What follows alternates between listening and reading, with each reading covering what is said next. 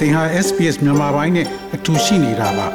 sbs.com.au/burmese မှာပုံမထူးခဲ့တဲ့သတင်းစာမားတွေကိုရှားဖွေပါ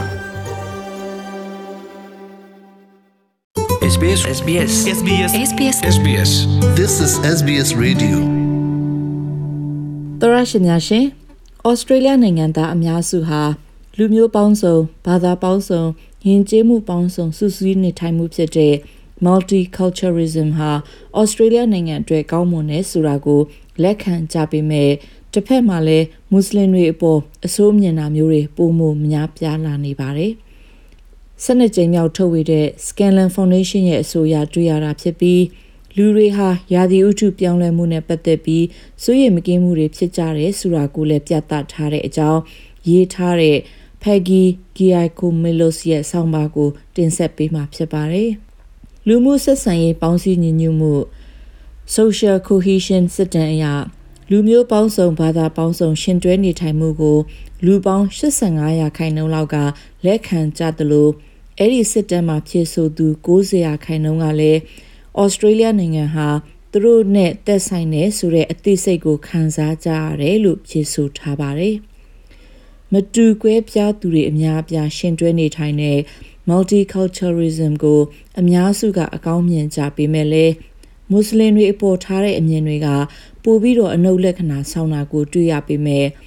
အွန်လိုင်းပေါ်မှာမေးခွန်းဖြေဆိုသူနဲ့သူတို့ရဲ့အမြင်ကိုဖုန်းနဲ့မေးမြန်းခံရသူတွေရဲ့အဖြေတွေမှာလည်းကွာခြားမှုရှိတာကိုတွေ့ခဲ့ရပါတယ်။မတူကွဲပြားတဲ့ဘာသာဝင်တွေအပေါ်ထားတဲ့အမြင်တွေကိုမေးတဲ့အခါဖုန်းပေါ်မှာမေးမြန်းခံရသူ21ရာခိုင်နှုန်းကနေ25ရာခိုင်နှုန်းက မွတ်စလင်တွေအပေါ်ပိုပြီးအဆိုးမြင်တာကိုတွေ့ခဲ့ရပြီးမိမိဘာသာအွန်လိုင်းပေါ်မှာဖြည့်ဆို့တဲ့လူပေါင်း40ရာခိုင်နှုန်းကတော့မွတ်စလင်တွေအပေါ်အဆိုးမြင်တဲ့အကြောင်းဖြည့်ဆို့ထားတာကိုတွေ့ခဲ့ရတာဖြစ်ပါတယ်။ Monash တက္ကသိုလ်ကပမောက္ခ Andrew Marcus ဟာအစီရင်ခံစာကိုရေးသားတူတူဖြစ်ပြီးသူကအခုလိုပြောပြထားပါတယ်။ So the, the finding on Muslim Australians and that big difference, it, it wasn't a surprise the first time we did it, but we've now done that. မွတ်စလင်တွေပေါ်ထားတဲ့ Australian တွေရဲ့သဘောထားအပြင်ဖုန်းပေါ်မေးခွန်းဖြည့်ဆိုသူတွေနဲ့အွန်လိုင်းပေါ်ဖြည့်ဆိုသူတွေရဲ့ရလကွာခြားမှုတွေဟာအံ့ဩစရာတွေတော့မဟုတ်ပါဘူးကျွန်တော်တို့အခုလိုစစ်တမ်းမျိုးကို2019 2018နဲ့2019ခုနှစ်မှာသုံးခါပြုလုပ်ခဲ့ပြီးရလတွေကတော့တစ်နှစ်နဲ့တစ်နှစ်အတူတူပဲဖြစ်ပါတယ် ဒါပေမဲ့ဖုန်းပေါ်မေးမြန်းတဲ့အခါနဲ့အွန်လိုင်းမှာဖြည့်ဆို့တဲ့အခါမှာရလာတဲ့အဖြေတွေမတူညီတဲ့အဆင့်ကတော့တမူထူးခြားနေပါတယ်။မိမိဘာသာအဖြေတွေဖြည့်ထည့်ရတဲ့စစ်တမ်းရဲ့အဖြေကိုကြည့်လိုက်မယ်ဆိုရင်ခရိယန်ဗုဒ္ဓနဲ့ဟိန္ဒူဘာသာအပေါ်မကောင်းမြင်တဲ့လူက900ခိုင်နှုန်းကနေ10ခိုင်နှုန်းလောက်သာရှိပေမဲ့လည်းမွတ်စလင်တွေအပေါ်အဆိုးမြင်တဲ့သဘောထားတွေကတော့40ခိုင်နှုန်းတောင်ရှိတာကိုတွေ့ခဲ့ရတာဖြစ်တယ်လို့ရှင်းပြထားပါတယ်။ စစ်တမ်းမှာပါဝင်ဖြည့်ဆို့သူက3500လောက်ရှိပြီးအဲ့ဒီအထဲမှာဖုန်းနဲ့အင်တာဗျူးဖြည့်ဆို့သူ1500နဲ့မိမိဖာသာအွန်လိုင်းပေါ်မှာဖြည့်ဆို့သူကအယောက်2000ရှိပါတယ်။ပမောက္ခအန်ဒရူးမတ်ကိုစ်ရဲ့အဆိုအရ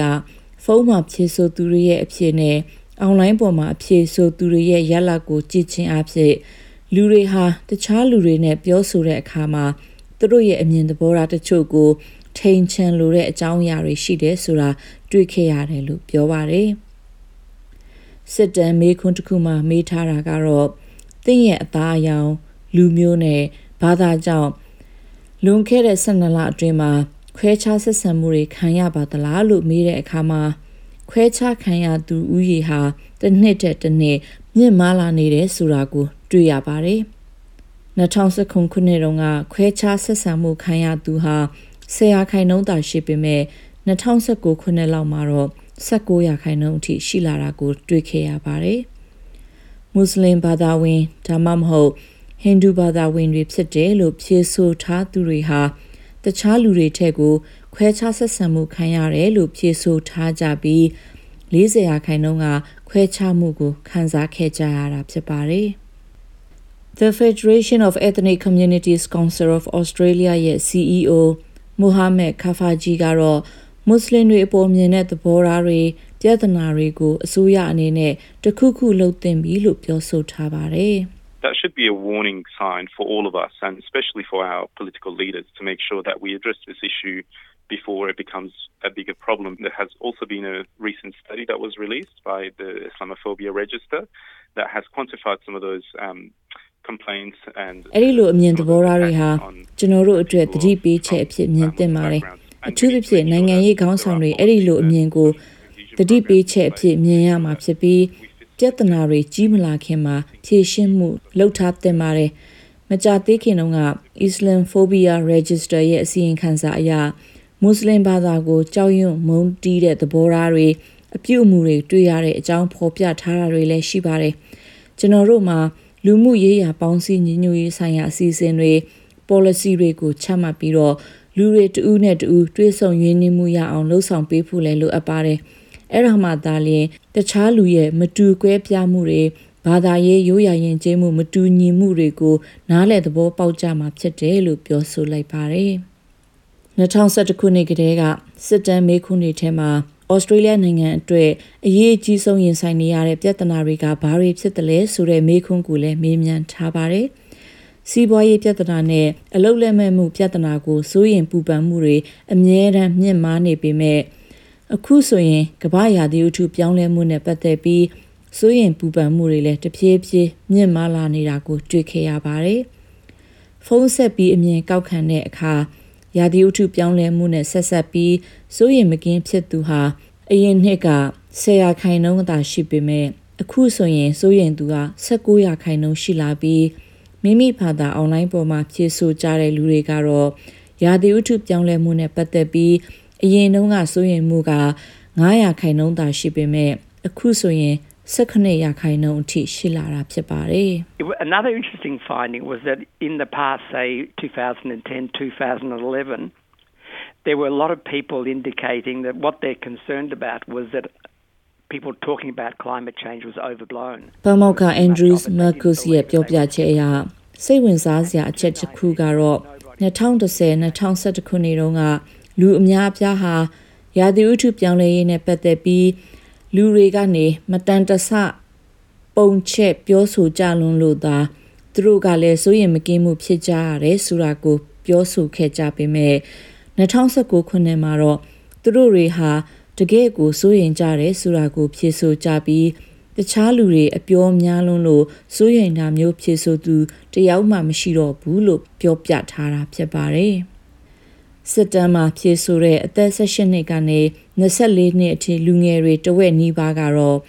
ရာသီဥတုပြောင်းလဲမှုနဲ့ဆက်ဆက်ပြီးပိုပြီးတော့စိုးရင်ကြတာကိုလည်းတွေ့ရပြီးအသက်65နှစ်ကျော်သူတွေကတော့တိတ်ပြီးတော့မစိုးရင်ကြဘူးဆိုတာကိုဖြေဆိုခဲ့ကြပါတယ်။ဟမ်ဆာဖာရာဆိုတဲ့အသက်23နှစ်အရွယ်လူငယ်ကတော့ရာသီဥတုပြောင်းလဲမှုဟာဩစတြေးလျနိုင်ငံအတွက်အကြီးမားဆုံးပြဿနာဖြစ်တယ်လို့မြင်သူဖြစ်တဲ့အတွက်